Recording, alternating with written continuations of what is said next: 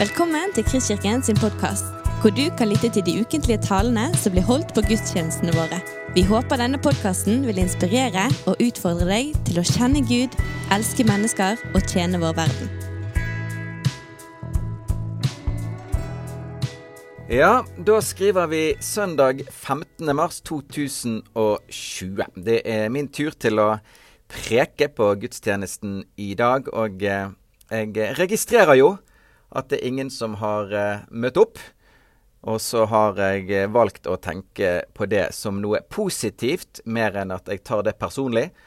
Jeg uh, må jo si, kjære venner, det er en veldig, veldig spesiell tid. Det å skulle få snakke inn på podkast sånn som dette, er litt fremmed, egentlig, og samtidig fint at vi har muligheter til å kunne nå hverandre i en fase der vi sitter i våre stuer og opplever nærmest litt sånn hermetisk lukkede hus om dagen.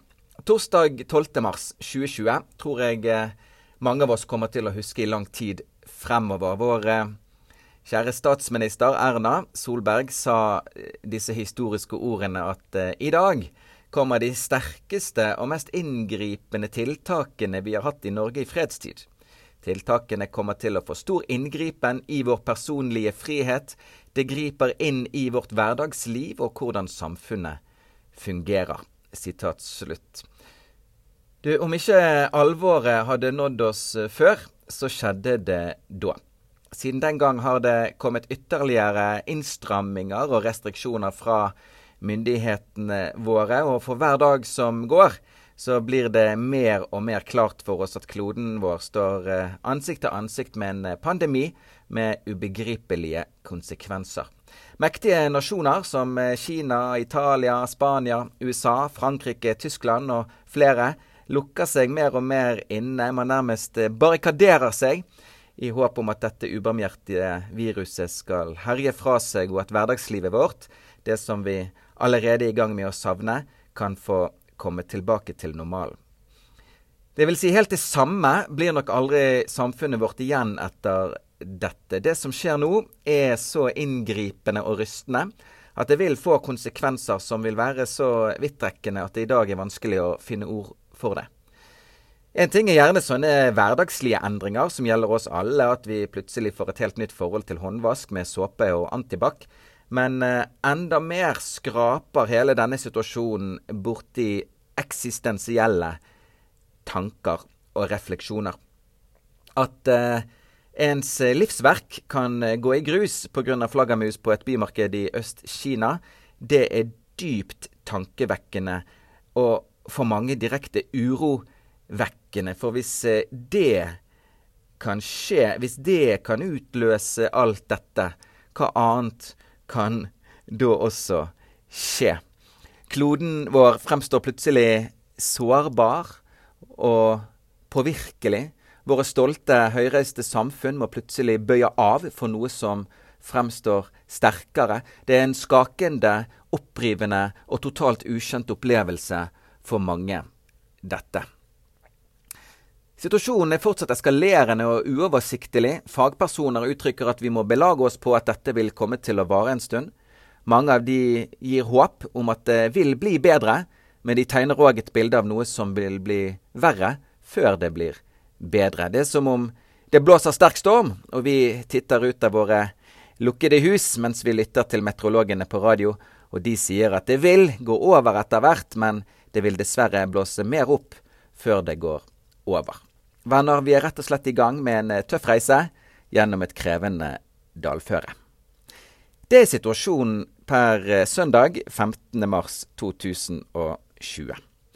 I dette herjer tankene og følelsene, og det er helt naturlig at det skjer. På ulike nivåer og på ulike vis så eh, møter vi masse rart i oss. Noen er allerede smittet og kjemper mot viruset. Noen er bokstavelig talt livredd for å bli smittet. Noen er sinte, kanskje rasende. Noen er, unnskyld uttrykket, møkk lei allerede. Noen blir tussete av å være så mye hjemme. Noen sørger over å ikke få treffe besteforeldrene sine for tiden. Noen føler seg enda mer ensom enn de allerede var fra før. Noen er ekstremt bekymret for jobben sin og økonomien og fremtiden. Noen kjemper tappert hver dag på sykehuset. Noen må avlyse bryllupene sine. Noen har begravelser med altfor få personer til stede. Listen er endeløs, og det føles vanskelig å planlegge. Usikkerhet og uvisshet rår. Midt i alt dette er Gud, som er vel kjent med smerte, vel kjent med livets skiftende farger. Den Gud som aldri har lovet oss konstant godvær, men som garanterer et konstant nærvær. Og et av de store og gode spørsmålene vi som hans barn kan få stille i denne tiden, i denne spesielle koronafasen som er blitt oss til del nå, det er dette. Hvordan kan vi leve som Guds barn i en tid som denne? Det er for de fleste av oss en helt ukjent og fremmed sti. Men ved Guds nåde så finnes det lys på denne stien. Det er derfor mulig å tale om han og lose hverandre på han. Og vel vitende om at vinklingene og perspektivene er utømmelige her, så vil jeg i dag dele med dere fem perspektiver inn i dette. Fem ting som begynner på B, og som alle har med hender å gjøre. Det første jeg vil løfte fram, er at vi er barn som lever livene våre i Guds trygge hender. Når Jesus i Johannes 10 taler om hyrden og sauene, så sier han i vers 28 og 29 at ingen kan rive sauene ut av min hånd, ingen kan rive sauene ut av min fars hånd. Paulus er inne på det samme i sitt brev til de troende i Rom, når han skriver i kapittel 8 at ingenting, ingenting har makt til å skille oss fra Guds kjærlighet. Hvem kan skille oss fra Guds kjærlighet? spør han i vers 35. Hvem kan skille oss fra Kristi kjærlighet? Trengsel eller angst eller forfølgelse eller sult eller nakenhet eller fare eller sverd?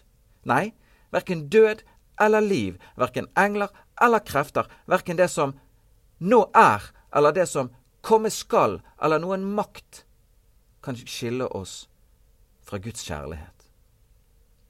Livene våre er ikke uten byrde sier Guds ord, men vi er heller ikke uten hyrde.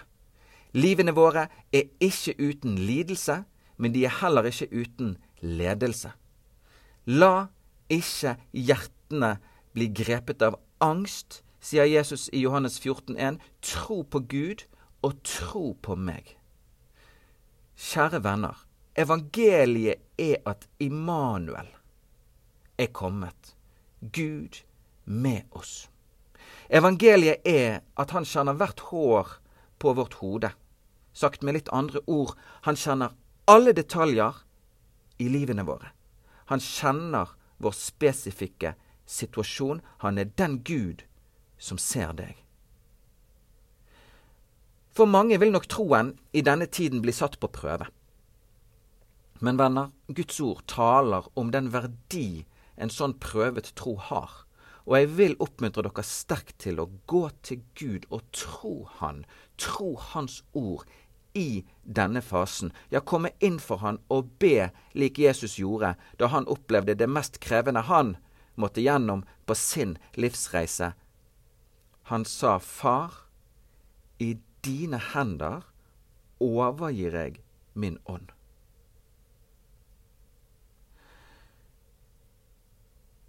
Far, i dine hender foregår mitt liv. Far, i dine hender vil jeg hvile.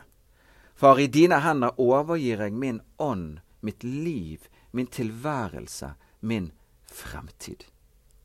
Så det første er at vi er barn som lever våre liv i Guds trygge hender. Det andre jeg vil dele inn i dette, som begynner på B, og som har med hender å gjøre, er at vi er borgere i et samfunn med myndigheter innsatt av Gud. De gir klare instrukser for hvordan vi som samfunnsborgere skal forholde oss til den nåværende situasjonen. Her skal vi som Guds barn ikke slentre i bakerste rekke. Her skal vi heller gå foran og være forbilder i det å adlyde myndigheters råd og veiledning. Litt enkelt sagt, la oss som er i Guds hender, vaske våre hender ofte og med mye såpe i denne tiden. La oss eh, alle lese oss opp på hva myndighetene ønsker av oss, og la oss være lojale. Jeg så at Røde Kors nylig ga ut de ni koronavettregler. Der var det mye sunn fornuft og, og, god klokskap. Les gjerne det og annet, og la oss, la oss som Guds barn òg være forbilledlige borgere. Det tredje jeg vil dele inn i dette, som begynner på B, og som har med hender å gjøre, er at vi er bedere. La oss folde våre vaskede hender. La oss som Guds barn og borgere av et samfunn og en klode både han og vi er glad i, komme fram for Gud med frimodighet. Du vet, Når Jesus tegner opp bilder av bønn, så forklarer han at menneskers bønner betyr en forskjell. Det er forskjell på om det bes eller om det ikke bes. Jesus forklarer at våre bønner fungerer nærmest som døråpnere for Gud på jorden. Og det som skjer i det usynlige, sier han, gir seg utslag i det synlige. I Apostelens gjerninger 12 står det om når Peter er fengslet. De første fire versene tegner et dystert bilde av situasjonen. Mishandling, drap, fengsling, men så kommer det et vers som fungerer som en soloppgang i det kapitlet. Det er vers fem som innleder med dette herlige, enkle ordet men. Men. Ok, hva er det nå som kommer? Hva er det som endrer denne mørke situasjonen? Men det ble gjort inderlig bønn til Gud for ham av menigheten. Og leser du de tolv neste versene, så trer et mirakel fram foran øynene våre. Og mange ganger har jeg tenkt på dette. Hva om menigheten der ikke hadde bedt? Hadde det samme skjedd? Guds ord er i alle fall tydelig på at situasjonen snudde når menigheten ba. Så venner, la oss bruke bønn. La oss, som Guds barn, og borgere også be. Og det er særlig tre grupperinger i samfunnet jeg vil oppmuntre til å be for. Det er de lidende, de legende og de ledende. La oss be for de som lider. Og her vil jeg minne om at lidelser i denne situasjonen handler om mer enn de som er i direkte berøring med viruset. La oss be for de som leger for helsepersonell og andre som samvirker for at helbredelse og legedom kan finne sted. La oss be for de som leder. Her vil jeg minne om første Tim 2, der det står om å be for de som er i høy stilling. Fra bønnerom kan styrerom påvirkes. Ved Guds nåde er det sånn at bedere har mulighet til å løfte opp og nærmest nå fram til sine ledere. Så vi som er barn i Guds hender, la oss være borgere med vaskede hender og bedere med foldede hender. Den fjerde B-en som har med hender å gjøre, er at jeg vil oppmuntre til å være betjenere med utdrakte hender i denne tiden. I Kristkirken har vi akkurat vært gjennom en taleserie som vi har kalt Varme liv. Hva er det å leve varme liv i disse koronatider? Her vil jeg ikke bli altfor konkret. Jeg vil helst holde dette spørsmålet åpent til deres egen refleksjon og besvarelse. Men saken er at i faser med bekymring og manglende kontroll er det veldig lett at vi ender opp med å se oss sjøl mer enn de rundt oss. Det er noe rart med frykten og uroen. Når den brer om seg i våre liv, så gjør han oss selvsentrert. Rommet for den andre, for min neste, smalner inn. Det oppstår behov for å bli sett og møtt og fulgt opp, mer enn at vi ser og møter og følger opp andre. Men hvordan kan vi i denne fasen operere i en barmhjertig ånd? Hvordan kan vi i denne fasen ha rom for den andre og elske vår neste? Dette kan du og dere få be inn i, tenke på og samtale om.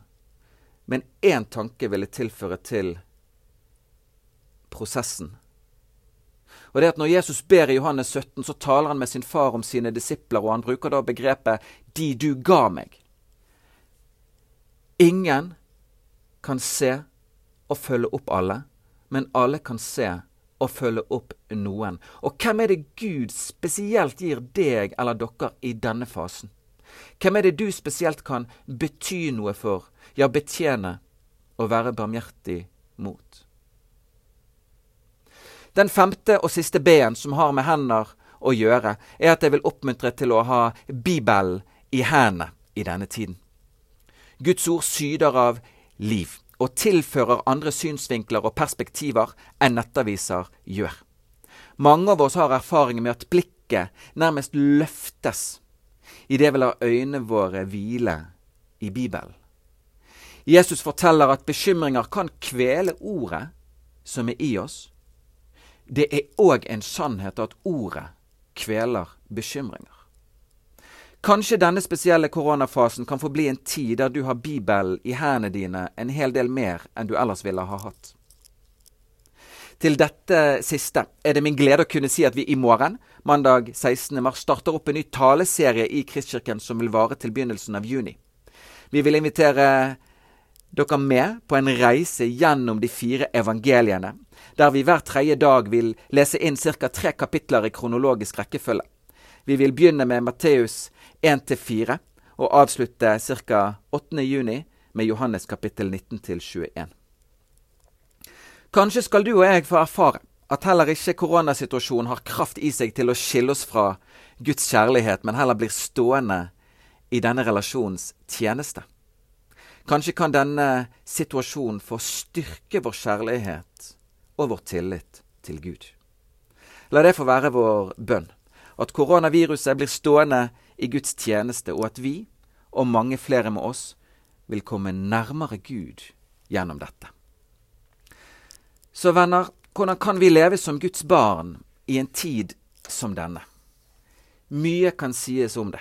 Og i dag har jeg delt med dere fem b-er inn i dette, der alle punktene har med hender å gjøre. La oss være dette tillitsfulle barnet i Guds hender. La oss være den lojale borgeren med vaskede hender. La oss være den frimodige bederen med foldede hender. La oss være den uselviske betjeneren med utdraktede, med utdrakte hender. Og la oss være den kloke bibelleseren som har boken i våre hender. Så venner igjen, velkommen med på reisen gjennom de fire evangeliene de neste ukene. Vårt håp og vår bønn er at det kan få bli en reise nærmere Gud.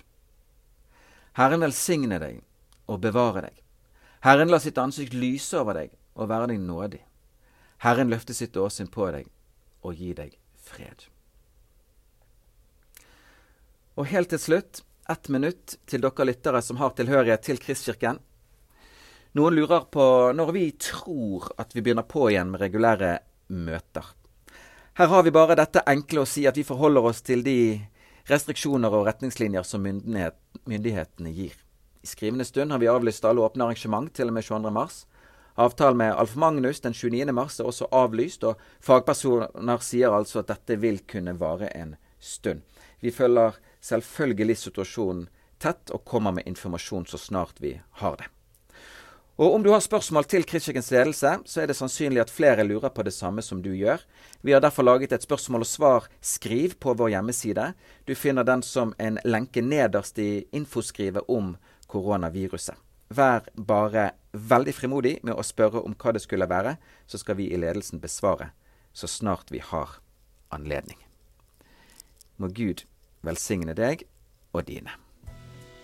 Du har lyttet til en podkast fra Kristkirken i Bergen. Vi håper du har blitt inspirert og utfordret i din vandring med Gud. Vil du vite mer om oss, så klikk deg inn på kristkirken.no.